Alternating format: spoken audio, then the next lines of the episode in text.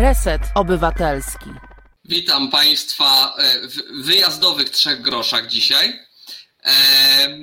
Także wszelkie kłopoty techniczne przyjmuję na siebie, no ale miejmy nadzieję, że i w warunkach polowych nic nie zawiedzie i będziemy mieć szansę porozmawiać i, i na tematy bieżące, chociaż jak zwykle zaczniemy od troszkę szerszej perspektywy.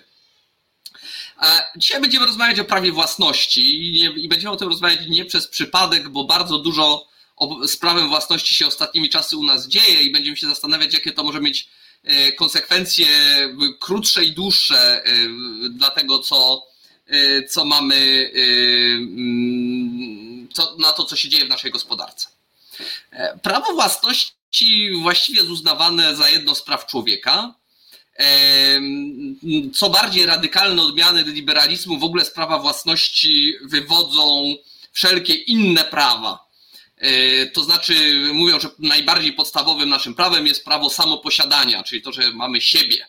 I, i, I to jest prawo, można powiedzieć, poniekąd niezbywalne, i z niego się bierze prawo do życia, prawo do unikania tortur i bardzo wiele innych praw, e, e, praw człowieka. Z drugiej strony są, e, są takie odmiany ideologiczne, które z, jako prawo własności widzą jako źródło wszelkiego zła. Tak, takim najbardziej znanym nam e, e, ideologią, która tak mówi, to jest komunizm. Tak? Jakby zasadą komunizmu jest to, że nic nie posiadamy, nie mamy nic swojego, no może szczoteczkę do zębów. W porywach to, co potrzebujemy, sobie bierzemy i konsumujemy. Jak tego nie potrzebujemy, to tego nie bierzemy wszystko, co robimy, oddajemy na wspólne potrzeby, a bierzemy to, co potrzebujemy. To jest to słynne, że każdemu według potrzeb. No jak wiemy, y, y, idee komunistyczne y, słabo się sprawdziły, zwłaszcza na szerszą skalę, znaczy są pewne komuny, które istnieją, które do pewnego stopnia w ten sposób e, egzystują, takie chyba najbardziej znane mm, i, i, i działające dłużej komuny to są e, izraelskie kibuce, gdzie trochę w tej, na tej zasadzie to wszystko działa, choć oczywiście nie do końca. E, własność e, jako taka budzi sporo kontrowersji. Nie tak dawno mieliśmy sytuację, w której jedni z najbogatszych ludzi na świecie postanowili polecieć sobie w kosmos. To oczywiście wzbudziło wielkie oburzenie, jak tak można marnować pieniądze, gdzie tutaj, prawda, głód na świecie panuje y, niedostatek, a tutaj ci najbogatsi właśnie wydają miliony, miliardy y, na to, żeby sobie polecieć y, w kosmos. I to jest mm, przyczynek do, do, do rozmawiania o tego, jak to prawo własności jest realizowane i czy to jest w porządku, że ktoś swoje pieniądze wydaje na rzeczy, które my możemy nazwać zbytkowne, czy też jest coś moralnie niewłaściwego w tym, jak te pieniądze e, e, są wydawane. Kwestia praw własności bardzo szeroko też rozlewa się na dyskusję o nierównościach społecznych, to znaczy kto ma jak dużo, tak? Czy, czy, czy może być tak, że e, bardzo niewiele osób w jakiejś społeczności ma prawie wszystko, a cała reszta ma niemal nic.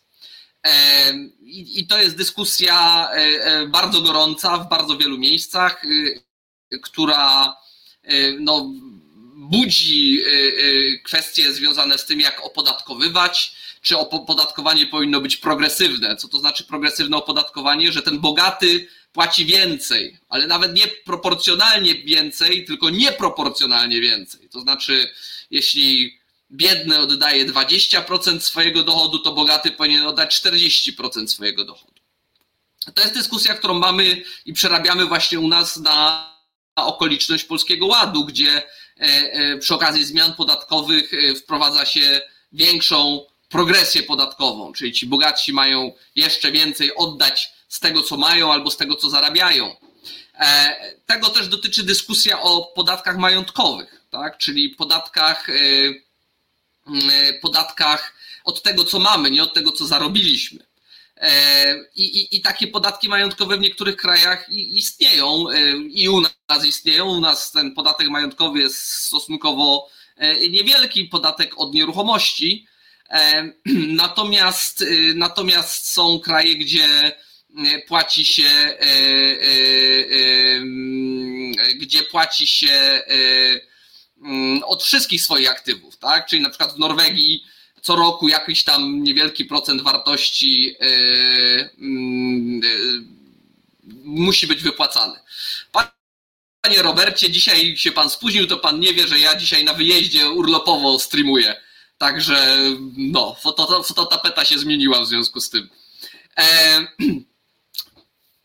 więc y, zagadnień związanych z prawem własności jest cała masa. Dzisiaj chcemy w szczególności porozmawiać w kwestiach tego, gdzie prawa własności jest za mało, gdzie jest za dużo i e, co się w związku z tym robi i jakie tego mogą być konsekwencje. E, co to znaczy, że prawa własności może być za mało? E, to jest kwestia związana z tym, że niektóre rzeczy nie są posiadane i mogą być wykorzystywane bez opłat przez wszystkich. Z jednej strony się to wydaje fajne, z drugiej strony ma to pewne konsekwencje. Weźmy powietrze. Tak jak wiemy, wszyscy możemy e, bez limitu korzystać z powietrza, ile nam się żewnie podoba. E, biorąc pod uwagę potrzeby oddychania, wydaje się to być jak najbardziej zasadne i nie wydaje nam się być dobrym pomysłem, żeby komuś odebrać możliwość oddychania, jeśli nie jest w stanie zapłacić za to. Choć takie światy w science fiction już się pojawiały, jak ktoś oglądał e, Pamięć Absolutną e, z Arnoldem Schwarzeneggerem, to tam właśnie był taki przypadek kolonii na Marsie, gdzie właściwie za powietrze, którym się oddycha, trzeba było płacić. Film całkiem zabawny, jak ktoś nie widział, polecam. Taka lekka rozrywka, lekko sensacyjna, na dobrym poziomie z dawnych czasów. Można na wieczór obejrzeć. E, ale abstrahując od oddychania, kwestia braku właściciela powietrza, co za tym idzie bezpłatnego korzystania z niego, rodzi ze sobą E, e, problemy. Ja na przykład jestem, e, znaczy ponoszę konsekwencje tego typu problemów, no bo jak się popatrzy naokoło, ja mieszkam na wsi, no to szczególnie w tak zwanym starym budownictwie, co któryś dom z kominów unosi się czarny dym,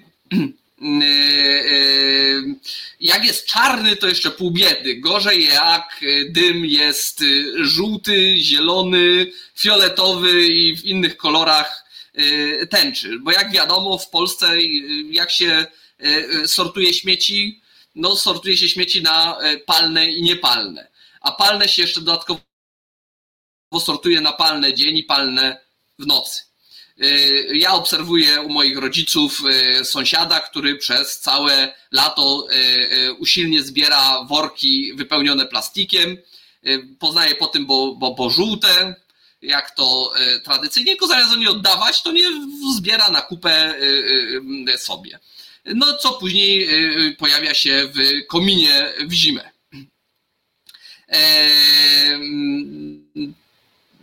Tak, panie Robercie, tak, ten stary oglądać, żeby się ktoś e, przypadkiem na ten nowy film nie, e, nie, nie, nie, nie załapał, bo jest on znacznie, znacznie słabszy.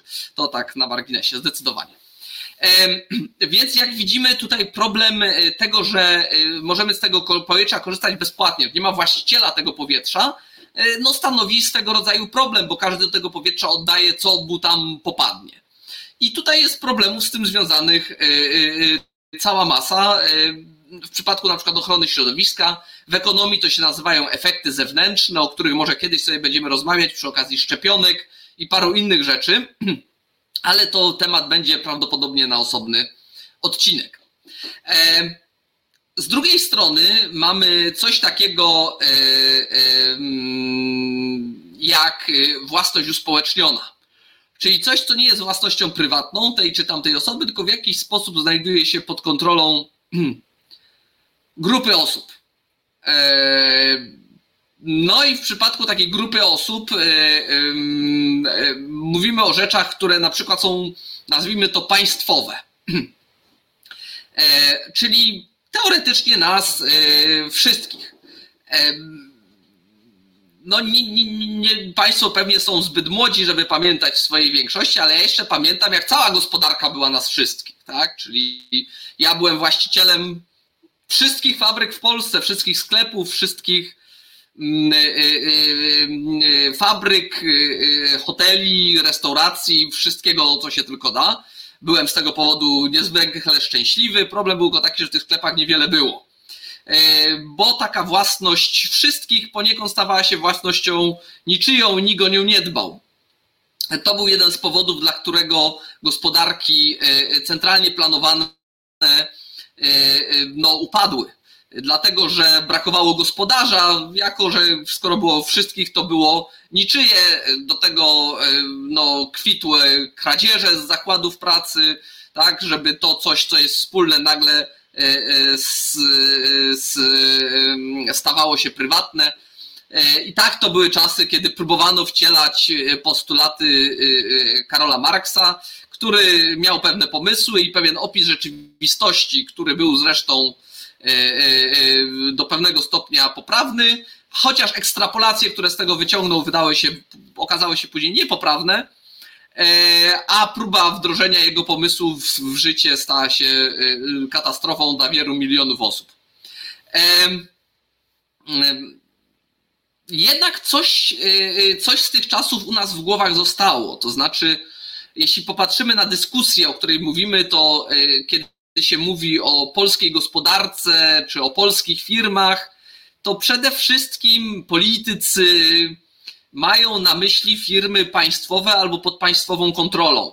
Tak, to to są polskie przedsiębiorstwa. Już z dużo mniejszym nabożnością mówi się o przedsiębiorstwach prywatnych, będących w posiadaniu e, Polaków. Tak? To już się jakoś do końca jako o polskich firmach e, e, nie mówi, jak słyszymy o czymś takim jak repolonizacja, to przeważnie oznacza to przejęcie przez e, państwo.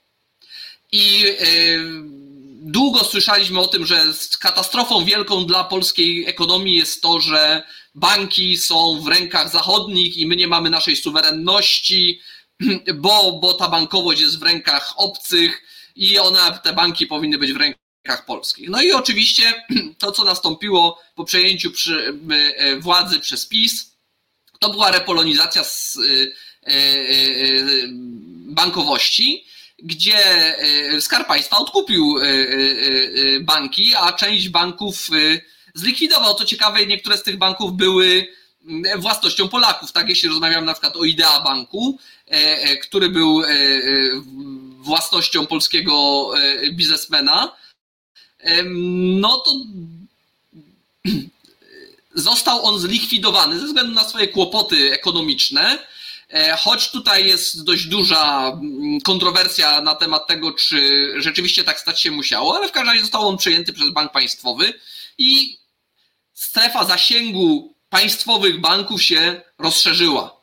I ta repolonizacja idzie dalej, tak? Zrepolonizowano koleje linio, linowe naziemne, zrepolonizowano, zrepolonizowano e, PESE, zrepolonizowano całą masę różnych e, innych inwestycji i przedsiębiorstw. I wygląda na to, że państwowy apetyt na repolonizację no nie, nie, nie, nie ustaje. Tak, panie Robercie z Wrocławia był ten właściciel, właściciel e, Idea Banku się Czarnecki nazywał. W każdym razie, mm, e, jakie są elementy tej repolonizacji, o czym ludzie sobie nie zdają sprawy bardzo często. E, Ursus, proszę pana, to upadł już koniec końców i, i, i jest upadłość likwidacyjna każdym razie mamy takie twory, tak jak na przykład PFR, czyli Państwowy Fundusz Rozwoju, y, który ma taką branżę, która się nazywa Venture Capital. Ja mam nadzieję zrobić program o Venture Capital, może nawet kogoś zaprosimy stamtąd, ale to jest państwowa e, firma, która ma za zadanie inwestować w firmy i, wystawać się ich właścicielem. Inna rzecz, PPK, tak? Pracownicze plany kapitałowe. Przecież również część wpłat dla ludzi, którzy nie wybrali którzy nie wybrali sobie odpowiednich funduszy prywatnych, jest zarządzane znowu przez PFR, czyli znowu znajduje się pod kontrolą państwa. Idąc dalej, likwidacja OFE, do której jeszcze nie doszło, ale jak wiemy, są kolejne przymiarki do tego, żeby to OFE koniec końców zlikwidować. E, e, no przecież jeśli ktoś zdecyduje o przeniesieniu e, pieniędzy do ZUS-u zamiast na prywatne konto, po tym jak zostanie mu potrącony odpowiedni procent opłaty przekształceniowej, no to w tym momencie znowu te akcje, które teraz posiadają OFE, staną, zostaną przejęte znowu prawdopodobnie przez PFR i w tym momencie może się okazać, że znaczna część firm giełdowych e, znajdzie się e, w rękach państwa. No niektórzy mogą powiedzieć, no może to dobrze, może państwo niech ma te firmy, może niech nimi zarządza, może to tylko ci komuniści z PZPR byli tacy beznadziejni i sobie nie radzili i w związku z tym e, i w związku z tym, że sobie nie radzili, to teraz mamy takich specjalistów, fachowców, którzy mają dobre doświadczenie oni te firmy pociągną nawet lepiej niż prywatni właściciele. E, tutaj odpowiedź nasuwa się sama. Patrząc na wyniki polskiej giełdy, a w szczególności indeksu WIG20. Indeks WIG20 to jest indeks, który zawiera w sobie największe spółki. I te największe spółki to większości spółki, które są kontrolowane w taki czy inny sposób przez Skarb Państwa. Także y, spółka, o której tutaj pani Urszula y, wspomina, y, prowadzona przez wójta Obajtka, która niedawno też zrepolonizowała Polska Press, czyli, czyli sieć gazet lokalnych.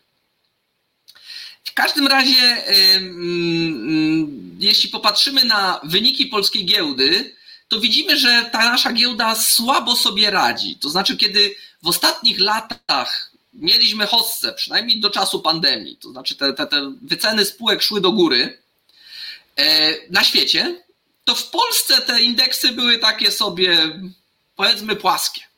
I wydawać by się mogło, że no cóż, coś tutaj u nas nie pykło, coś nie gra. Tylko co? Dlaczego? Przecież Polska się świetnie rozwijała, ma perspektywy. Dlaczego mm, e, e, wyniki nie idą do góry?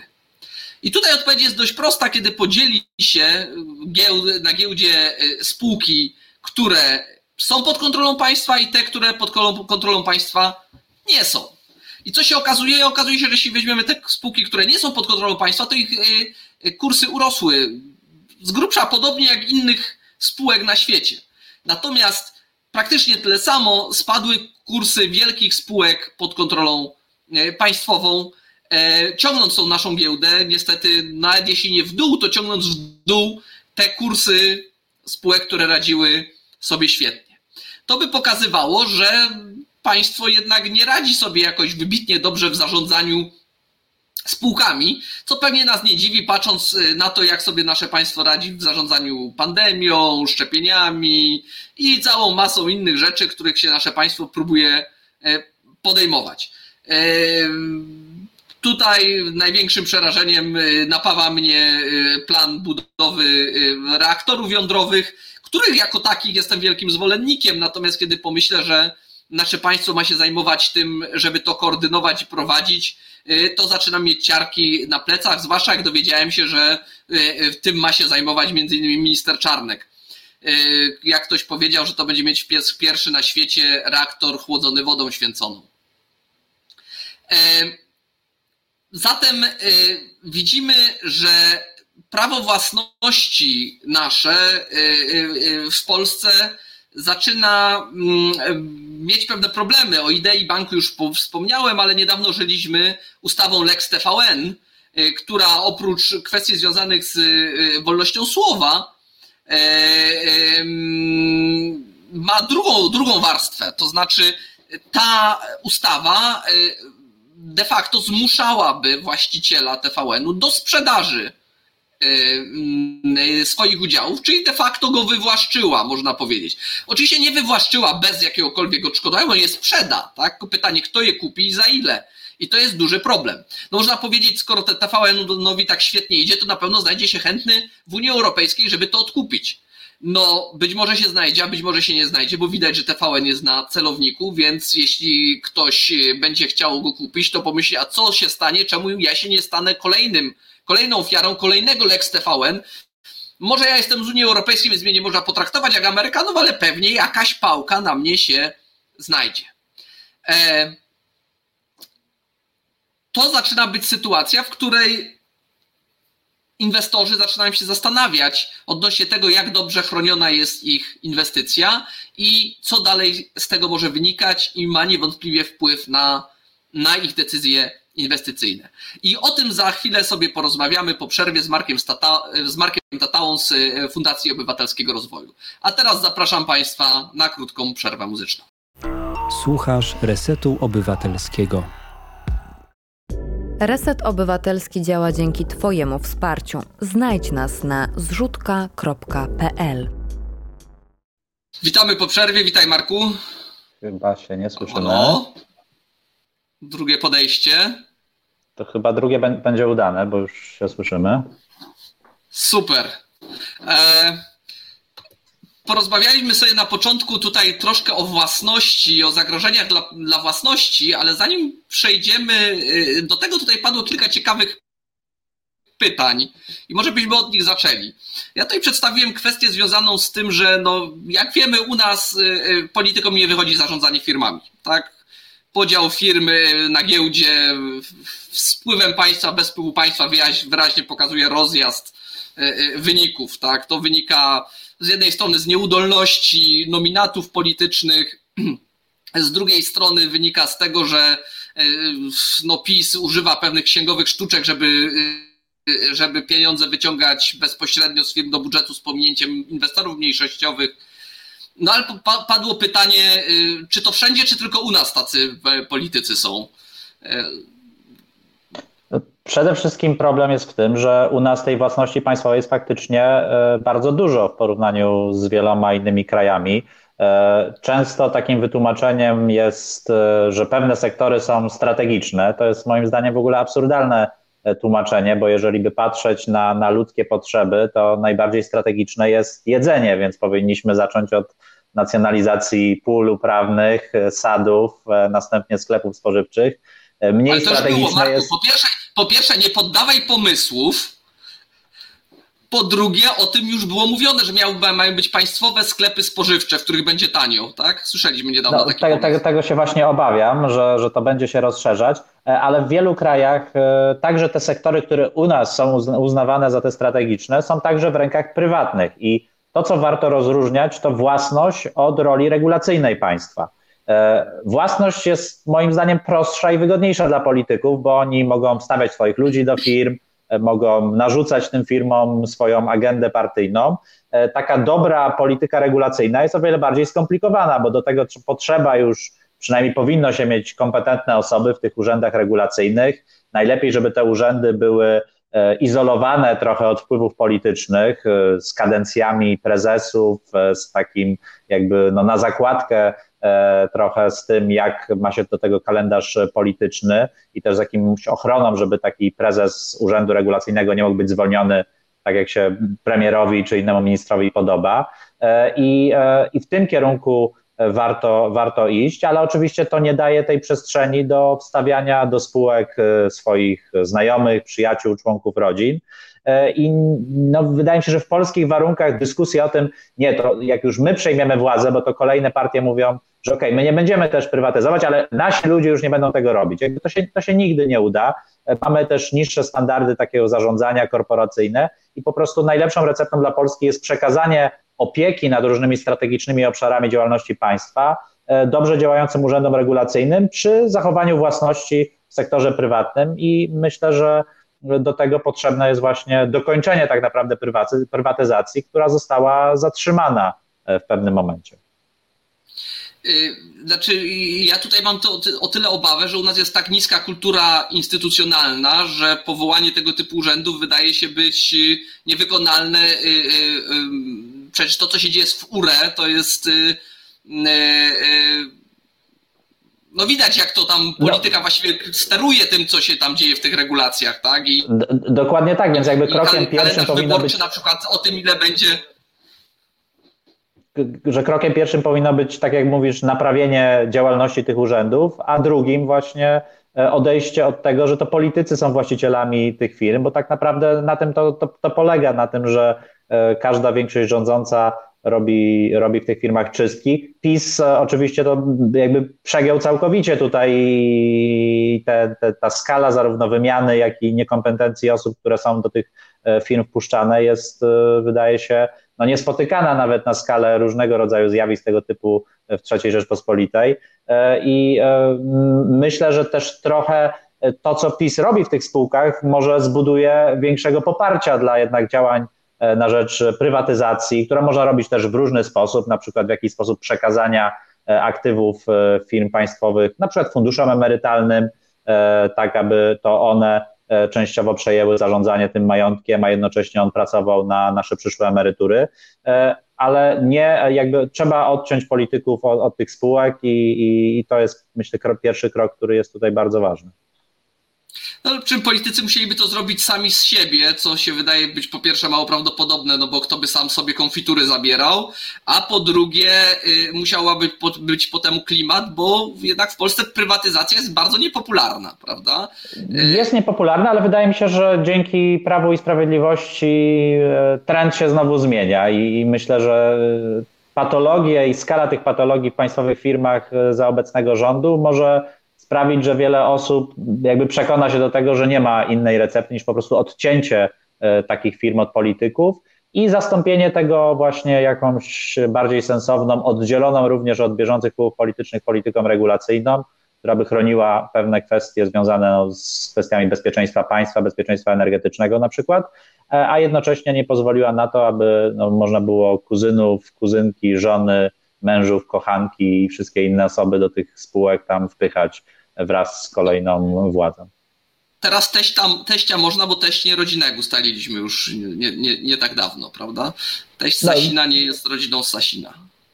myślę, że ta skala właśnie tej wymiany, a jednocześnie no, typu osób, które są wpuszczane do, do tych spółek jest no, skandalicznie zła w obecnych czasach. E, co więcej, doszło nie tylko do zatrzymania prywatyzacji, ale do ruchu, o, których, o którym wspominałeś w pierwszej części, czyli ruchów nacjonalizacyjnych w sektorze bankowym, e, kolejka górska na Kasprowy Wiech, no, szczególnie strategiczne to jest po prostu e, dobro, które jest potrzebne do, do wjeżdżania na tą górę, żeby, żeby podziwiać widoki.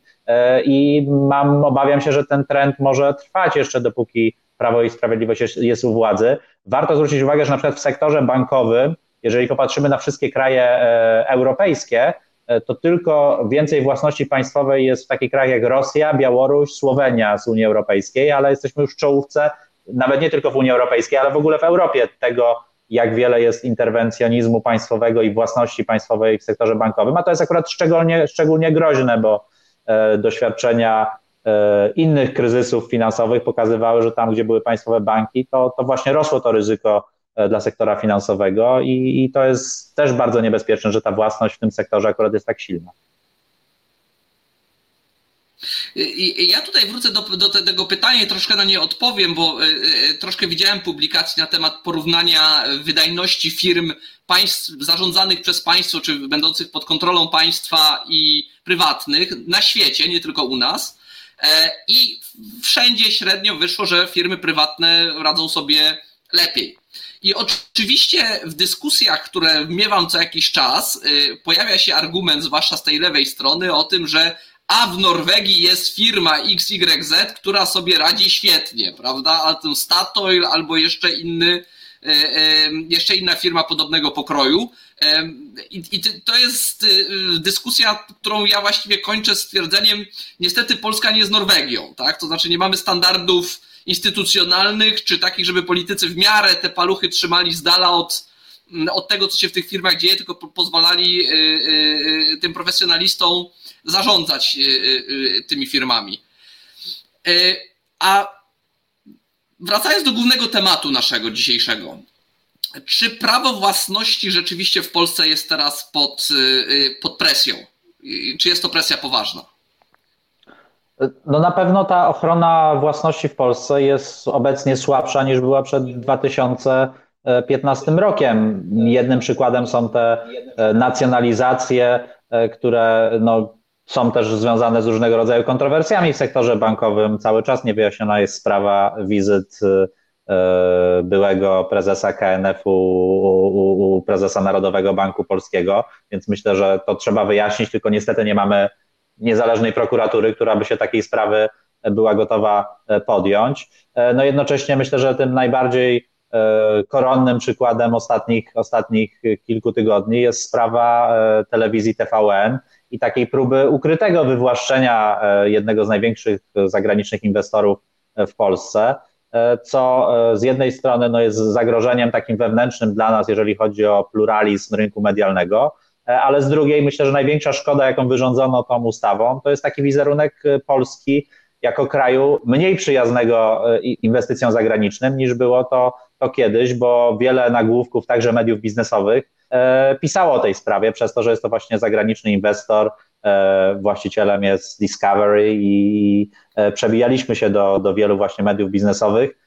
Z osób, które robią biznesy za granicą, wiem, że, że często właśnie o to ich partnerzy biznesowi za granicą pytają, to znaczy jedne to są te kwestie praworządności e, i, i, i, przestrzegania prawa, a drugie takiego bezpieczeństwa, czy naprawdę Polska jest dalej bezpiecznym krajem do inwestowania. I warto też zwrócić uwagę, że to nie oznacza, że inwestycje zagraniczne nie będą do Polski przychodzić. E, zagraniczni inwestorzy przychodzili, nie wiem, do Afganistanu, do Iraku, do, do, do krajów e, w środkowej Azji, gdzie, gdzie też jest słabsza ochrona praw własności, ale wtedy koszty ściągnięcia takiej inwestycji dla wszystkich nas podatników są dużo większe, bo wtedy oni muszą mieć dużo wyższą stopę zwrotu, więc na przykład trzeba dać większe ulgi podatkowe, trzeba dać więcej gruntu bezpłatnie i jakby wtedy nas wszystkich podatników to kosztuje sprowadzenie i zachęcenie takiego inwestora e, do przybycia do Polski, więc to nie dzieje się bezkosztowo e, i, i może mieć szkody właśnie e, także wizerunkowe ja się zastanawiam, o, w zeszłym tygodniu mieliśmy spotkanie, rozmawialiśmy o oligarchizacji e, i, i, o tym, co się dzieje w, w Grupie Wyszehradzkiej. I troszkę porozmawialiśmy tam wtedy o Węgrzech, gdzie właściwie jest sytuacja taka, że jeśli jest jakiś sobie prywatny biznes, to e, jeśli ktoś ze świty Orbana sobie zażyczy posiadanie tego biznesu, to właściwie w niedługim czasie staje się jego właścicielem, czy się to obecnemu właścicielowi podoba, czy się, e, czy się nie podoba bo taki przeciętny mały Kowalski, który ma sobie jakiś tam biznesik mniejszy czy większy w kraju, e, może powiedzieć, a tam Discovery nastąpili e, na odcisk e, PiSowi, no to teraz się muszą tam łomotać. Jak myślisz, jak daleko jesteśmy od takiej sytuacji węgierskiej, to znaczy ci, ci, ci lokalni baronowie E, e, rzeczywiście będą w stanie pozbawiać własności, no nazwijmy to takich nas, szaraczków i, i, i zabierać to, co nasze ze względu na siłę polityczną? Czy to jeszcze bardzo daleko? E, no, na szczęście sytuacja nie jest jeszcze tak zła na Węgrzech i dlatego, jak na Węgrzech i dlatego FOR, ale też inne podmioty tak głośno mówią o mobilizacji teraz, żeby się przeciwstawiać tego typu patologiom jak Lex TVN, bo o wiele łatwiej jest to robić teraz, niż kiedy ma się sytuację taką jak węgierska E, opozycja obecnie. E, to, co jest w ogóle dużym sukcesem Polski po transformacji, to że my uniknęliśmy w ogóle takiej oligarchizacji naszej gospodarki, e, no na przykład w porównaniu z Ukrainą czy innymi krajami byłych, byłymi republikami radzieckich, jakby w Polsce nie powstała taka klasa typowa oligarchów, którzy, którzy byliby ściśle związani z polityką, mieli jakieś ogromne wpływy polityczne. I, I to był sukces, także było to możliwe dzięki, dzięki właśnie tamtym zmianom. E, jednocześnie patrząc na przykład węgierski, on pokazuje, że jakby to nie jest rzecz, rzeczywistość trwała, jakby taką oligarchię można zbudować, która jest bardzo blisko e, związana e, z władzą. No u nas ona się głównie buduje w, w obszarze tych firm państwowych. Tak naprawdę one de facto można powiedzieć, że w jakimś sensie zostały sprywatyzowane, tylko że one się stały taką prywatą partii rządzącej, no bo partia, jedna z największych spółek państwowych jest wykorzystywana na przykład do kupowania podmiotów na rynku medialnym, żeby tworzyć bardziej przyjazny klimat medialny dla polityków PiSu. I nie ma takiej, takiego jeszcze obszaru przedsiębiorców prywatnych, jak na Węgrzech, gdzie, gdzie część tych osób są faktycznie prywatne firmy, tylko są blisko związane z Fideszem, z Orbanem i, i po prostu wykonują zadania polityczne kupowania podmiotów i tworzenia takiej e, oligarchii. No ale to się wszystko może zmienić e, i, i, i dlatego należy się przeciwstawiać e, tego typu trendom, a przede wszystkim także monitorować ściśle to, co się dzieje w państwowych firmach i nie pozwalać do takich ruchów jak, jak z Lex TVN. Mnie szczerze powiedziawszy zastanawia ta różnica. Mam kilka koncepcji, dlaczego Jarosław Kaczyński nie idzie w tą stronę. Tak? Jedną z nich jest to, że nie ma dzieci, tak? więc jakby nawet jeśli by się zrobił oligarchą, to za bardzo nie, nie miałby komu tego przekazać. Druga rzecz jest taka, że taki oligarcha w pewnym momencie może się trochę zerwać ze smyczy i zacząć brykać. Tak? Mieliśmy przykład w Rosji Chodorkowskiego, e, e, który, który w pewnym momencie Putinowi podskoczył. Oczywiście nie skończyło się dla niego najlepiej. E, Orbanowi też jego jeden z najbliższych przyjaciół nawet nie wiem, czy podskoczył, ale stał się na tyle niezależny, że też został w pewnym momencie wycięty. Nie wiem, czy, nie wiem, czy Kaczyńskiemu nie przyświeca taka myśl właśnie, żeby ktoś aby za bardzo nie urósł w niezależność i nie, nie, nie, nie rzucił mu jakiegoś wyzwania. Ja myślę, że Kaczyński w ogóle bardzo słabo rozumie świat biznesu, przedsiębiorczość, w ogóle ideę prowadzenia firm. E, pamiętam taką wypowiedź prezesa Kaczyńskiego sprzed kilku lat, kiedy E, była znowu kolejna dyskusja o tym, że w Polsce jest niska stopa inwestycji i tam pojawiały się sugestie, że przedsiębiorcy to na złość robią, jakby na złość PiSowi nie inwestują, nie rozwijają swoich przedsiębiorstw, więc myślę, że, że prezes Kaczyński może faktycznie w tego typu teorie wierzyć, e, że, że, że tutaj cały świat biznesu sprzeciwstawia się, się partii władzy. Co więcej, byłoby bardzo trudno budować taki świat prywatnych przedsiębiorców rozwijanych przy partii rządzącej, kiedy wcześniej bardzo mocno promowało się retorykę no, na zasadzie taką, że kto bogaty, to znaczy, że ukradł, tak? E, e, I, i, i stąd myślę nawet te kontrowersje czy problemy związane z majątkiem e, premiera Morawieckiego, który, e, który nie jest zaskoczeniem, że jest duży, bo był prezesem bardzo dużego banku, więc zarabiał duże pieniądze, ale jest to dla, dla PiSu niejako taka kwestia wstydliwa, że ktoś w ich szeregach może być osobą tak bardzo zamożną, bo oni takie osoby zamożne bardzo silnie e, krytykowali i myślę, że nadal krytykują, czy próbują tworzyć taką, taką aurę podejrzliwości wokół tego typu e, rzeczy. To, co jest na, na pewno różnicą, no to oczywiście sam, sam Jarosław Kaczyński, który też jakby jest kontrast między Kaczyńskim a Orbanem. Orban jakby dąży do, do własnych silnych korzyści finansowych. Przy Jarosławie Kaczyńskim nie jest to na tyle oczywiste, czy na pewno widoczne, co być może nawet nie wróży nam, dobrze nam, bo jeżeli ktoś ma jakieś pobudki takie jeszcze silniejsze ideologiczne poza taką e, ściśle związaną chęcią wzbogacenia się, to nie wiadomo do, dokąd to prowadzi, tak? E, jeżeli chodzi o, o, o styl rządzenia i, e, i taką aspirację, jak Polska powinna wyglądać. No, nie chcę tutaj po imieniu i nazwisku nazywać, ale znamy takich przywódców historycznych, którzy właśnie e, mając pełnię władzy jednocześnie żyli w, pewne, w pełnej e, ascezie i nie są to postaci, które nam się zazwyczaj bardzo dobrze kojarzą. E, motywacja ale... finansowa jest dla mnie bardziej taka bezpieczna, tak? Jak ktoś chce się tylko nakraść czy, czy, czy poprawić swoją sytuację finansową, to wydaje mi się, że to jest bezpieczniejsze niż jakieś pobudki bardziej ideologiczne zbawiania narodu i budowania tutaj jakiegoś nowego, wspaniałego świata. E, a wracając do tego, co powiedziałeś właśnie o tym, dlaczego Polacy nie inwestują, to też będzie, to też będzie temat jeden z naszych dyskusji w nadchodzących programach, ale myślę, że warto, warto zrobić tutaj podglebie, bo rzeczywiście pamiętam 2015 rok i tak zwany plan Morawieckiego, tak, który ktoś sprowadził do jednego slajdu, gdzie była pokazana stopa inwestycji, jaka ona ma być. I ona w roku bodajże 2000 20 miała osiągnąć 25% PKB. Później szybko to zostało zmodyfikowane, że średnia pomiędzy latami takimi a takimi ma osiągnąć te 25%, żeby nie było tak ostro. No ale od tego czasu y, ten poziom inwestycji, który wtedy był tam na poziomie, z tego co pamiętam, około 19-20% i uznawany za zbyt niski, y, od tego czasu y, upadł znacząco, zwłaszcza w zakresie inwestycji prywatnych. Mm, czy to, co obserwujemy w kwestii ochrony praw własności, to jest przyczynek do tego, co się stało, czy, czy, czy raczej mamy tutaj inne zjawiska? Czy to jest współbieżność, nazwijmy to? Znaczy, myślę, że wszystkie te kwestie, które mogą oddziaływać na, na to, że w Polsce się nie inwestuje tyle, ile byśmy, byśmy chcieli z perspektywy jakby naszej e, długofalowego rozwoju naszej gospodarki, e, są związane z postrzeganiem e, prawa własności. No bo niestabilność prawa i ta zmienność prawa w obszarze podatków czy zmienność regulacyjna wiąże się z prawem własności, no bo jeżeli ktoś poczynia inwestycje, a potem nagle mu regulator mówi, że już tego nie może robić w taki sposób. E, to na przykład widzieliśmy w kontekście e, energetyki e, wiatrowej, gdzie, gdzie, gdzie też de facto wywłaszczono część podmiotów, no to to buduje taką niepewność i wtedy inne branże czy sektory mogą się zastanawiać, czy warto, nie wiem, stawiać kolejną wielką fabrykę, czy warto wydawać pieniądze w Polsce, bo może się prawo nagle zmieni za rok i, i, i to buduje niepewność, jeżeli chodzi o E, możliwość jakby wykorzystywania swoich praw e, własności. E, tak samo kwestie związane z praworządnością, bo jeżeli dochodzi do jakichś sporów finalnie dotyczących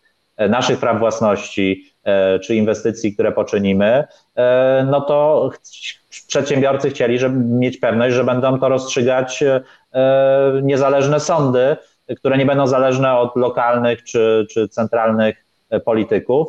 E, I to myślę, że e, w większej jeszcze mierze dotyczy właśnie naszych krajowych inwestorów, którzy są w tym wymiarze gorzej chronieni, bo część zagranicznych inwestorów jest poza ochroną dyplomatyczną, ma jeszcze na przykład możliwość zagranicznego arbitrażu, korzystania z różnego rodzaju e, takich pozasądowych form rozstrzygania sporów, do których nie mają dostępu polscy inwestorzy, więc tak naprawdę niszczenie niezależności sądownictwa to jest szkodzenie przede wszystkim naszym, naszym przedsiębiorcom. E, i, i, i, i obniżanie ich bezpieczeństwa prawnego e, w Polsce. E, widzimy zjawiska, które dotyczą no, na przykład zagranicznych inwestorów, którzy mają możliwość chronienia się w jakiś sposób, na przykład zapisywania w umowach jurysdykcji innego państwa niż Polska do rozstrzygania sporów, tak? Więc takiego, takiego rodzaju rozwiązania się już pojawiają w naszym obrocie prawnym. No, albo arbitrażu, tak? tak, tak, tak o tym tak. Discovery mówi, że, że, że, planuje tutaj arbitraż międzynarodowy w tym zakresie, bo ma takie uprawnienia na mocy umowy polsko-amerykańskiej, tak? Inwestycji amerykańskich y, y, w Polsce. Y, I rzeczywiście ja się zgodzę, że tutaj klimat wobec polskich przedsiębiorców jest wyjątkowo chyba zły, bo szczerze powiedziawszy, takiego ataku na nich jak Polski Ład, to ja nie pamiętam przynajmniej werbalnie, bo ja nie mówię tutaj o, o, o czynach, przynajmniej werbalnie to zawsze było, że przedsiębiorcy to jest wśród ziemi polskiej i tak dalej, i tak dalej, i tak dalej. I nawet jak była ustawa, która e, e, dokładała przedsiębiorcom dużo e, dodatkowej roboty biurokratycznej, to przynajmniej w tytule miała napisane, że to jest ustawa o usunięciu niektórych barier biurokratycznych. Tak? No, można to nazwać swego rodzaju ironią, ale przynajmniej twarzą do klienta klienta było, że my tutaj jesteśmy pro.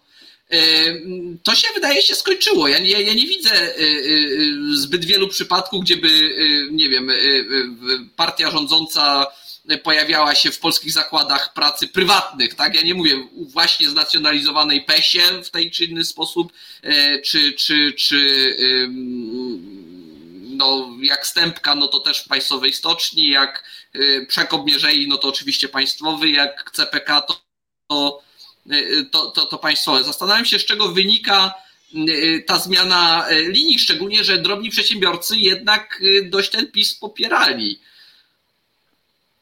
E, no, myślę, że zmiana linii to wynika głównie z tego, że rządzący szukają nowych źródeł finansowania dla kolejnych e, programów, także socjalnych, które można wykorzystać e, przed wyborami Wybory się zbliżają, nie wiemy, czy to będzie 2023 rok, czy, czy bliżej, i jakieś zasoby e, są potrzebne, żeby móc zaoferować e, coś więcej. Jeżeli popatrzymy na ten polski ład, to jest to taki z jednej strony wielki transfer od osób pracujących, przedsiębiorców aktywnych zawodowo do emerytów, czyli grupy e, i osób nieaktywnych zawodowo, czyli grupy, która, w której poparcie dla partii rządzącej było w przeszłości silne i widać, że w tą grupę dalej chce celować PiS co z perspektywy jeszcze patrząc demograficznej, która jakby to jest grupa, która będzie rosła, tak, w Polsce, więc, więc mają interes polityczny, żeby szukać E, zasobów do tego, żeby tą grupę w jakiś sposób podkupywać i e, kupować jej poparcie. E, z drugiej strony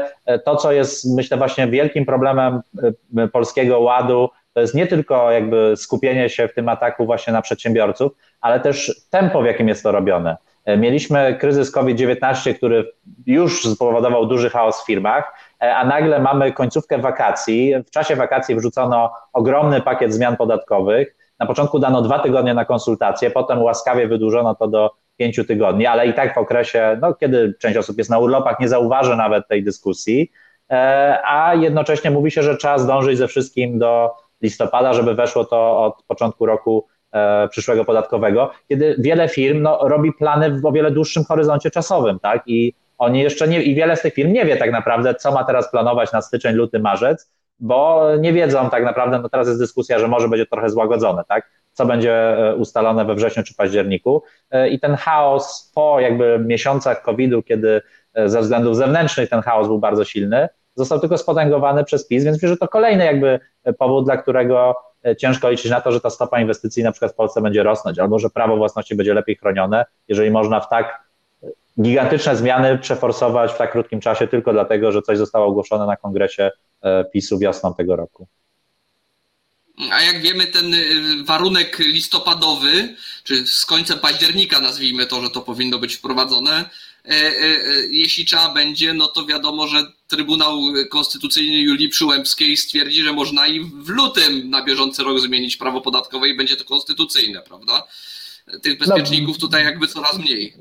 Bezpieczników jest coraz mniej i myślę, że to jakby zwiększa tą niepewność, a jednocześnie y, wspominałeś ten temat oligarchii. Ja myślę, że zjawisko, które, z którym możemy mieć do czynienia w Polsce, to jest trochę nie jeszcze takiej oligarchii, że, że przedsiębiorcy współpracują z PiSem, żeby przejmować pewne części gospodarki, ale takiej bierności z kolei przedsiębiorców, że być może nie warto aż tak mocno krytykować tego rządu, bo coś się wydarzy, tak? Albo nie wiem, nie warto wspierać różnego rodzaju inicjatyw, bo będzie to monitorowane i myślę, że na tym właśnie polega to wyłamywanie kolejnych bezpieczników, żeby ten przedsiębiorca czuł się jeszcze bardziej niepewnie, jeżeli chodzi także o jego e, aktywność obywatelską, wolność słowa, e, krytykę różnego rodzaju rozwiązań, bo jeżeli przesadzi, to, to, to państwo będzie miało różnego rodzaju narzędzia, żeby mu jeszcze bardziej zaszkodzić.